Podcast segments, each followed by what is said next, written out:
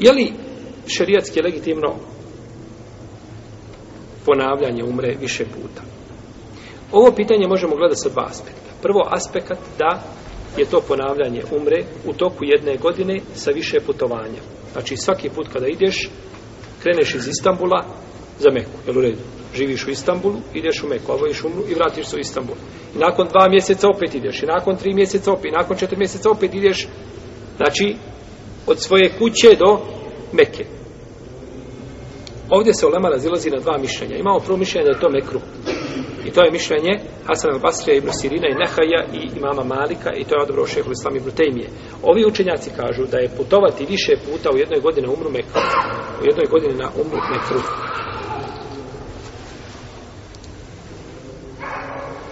I njima je dokaz to što a, poslanik sa osram i ashabi nisu obavljali umru više puta, znači u jednoj godini. A kažu umra je mali hađ, a hađ je propisan šta? Jedan put godišnje. Pa ni umra nije više od toga. Drugo mišljenje da je to džaiz, da je mustahab, znači da se više puta i to je stav džumhura, da se više puta obavi umra u jednoj godini. I tako kaže isto Ata i Tausi, kaže Ikrime i Šafija i Imam Ahmed i prenosi se od ashaba. I navodi se da Aisha obavila jednu umru, dvije umre u jednom mjesecu. Spomenut ćemo to. Isto tako dokazuje to hadisom između od umre do umre briše se ono što je između njih. I navodi Ajša radijallahu da je poslanik sa svema obavio umru u Zul Qadetu i umru u Ševalu. Iako šehr sa Ibn Kajim kaže u svome dijelu Tehzibu Sunen, da poslanik sa nikad nije obavio umru u Ševalu. Kažu to je greška od ravi. Allahu alem ovdje se znači ulema razilazi, ali postoji znači a mogućnost da je mišljenje džumhura ovdje jače. Mišljenje džumhura jače da umra i badet, nema smetnje da čovjek odlazi Znači, ako ima mogućnost, naročito, ako je to čovjeku potrebno, čovjek ponekad napuni se grijeha ili tako, grijeha koliko udisaja, izdisaja svaki dan i onda nakon toga dobro dođe jedna umra ili za osvježenje čovjeku, pa ga to jedno vrijeme drži, pa ponovo kada osta, osti da je iman pao, da ponovo ode na umru, sve je to hajr i bereket.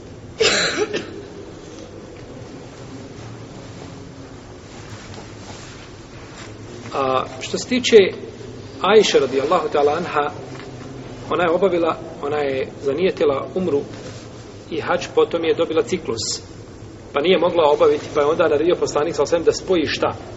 Da čini da bude ovaj kar, da bude mu karina, jeli, da bude da, da obavi karan pa je nakon toga njoj je bilo teško da se njene ovaj, da žene se druge poslanika sam vrate sa hađom i umrom odvojeno a ona se vrati spojeno. Pa je onda tražio od poslanika sa osadem da još jedan put iziđe, da još jedan put iziđe, znači, pa je svojim bratom Abdurrahmanom, pa je obavila još jednu umru od Tenaima, jedno mjesta gdje je izišla van Harema, van Harema, to mjesto je van Harema, pa je tu sad napravljena džamija, koja zove džamija Ajše, ili poznata kao, kao mjesto Tenaim, ili, ili, ovaj, ili po, po tom mjestu kome se nalazi velika jedna džamija, gdje ljudi idu i gdje obavljaju umru.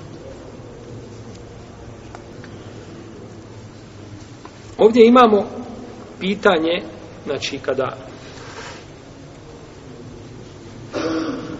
čovjek odlazi na umru šta? Sa više putovanja. Svaki put kada ide novo putovanje. Zašto kažem novo putovanje? Zato što ima druga mogućnost, a to je da dođeš u Meku i da obaviš hađi umru, na primjer, jel? I, i da obaviš umru. I nakon toga izješ do Tenaima i kod Meseču do Ajše obuče, u Meseču do Ajše obučeš i hrame, zanijetiš umru i ponovo dolaziš. I tako ideš od Meseču do, do, ne znam koliko ima, sjeta kilometara ili steče tome ili više ili manje i obavljaju se onda po 5, 6, 7 umri. Ja sam bio jedne prilike, jedan naš profesor o, arapski jezik nam je predavao, on je pobavio sedam, umrio jedan put. To nije legitimno. Legitimno da čovjek obavi jednu umru. Da jedno putovanje bude sa jednom umrom.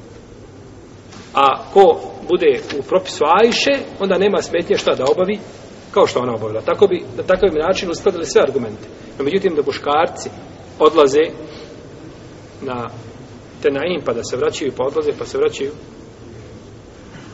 nisu oni dobili mjesečnicu, je li tako? Ajša radi Allah izlazla je radi, radi pravdanja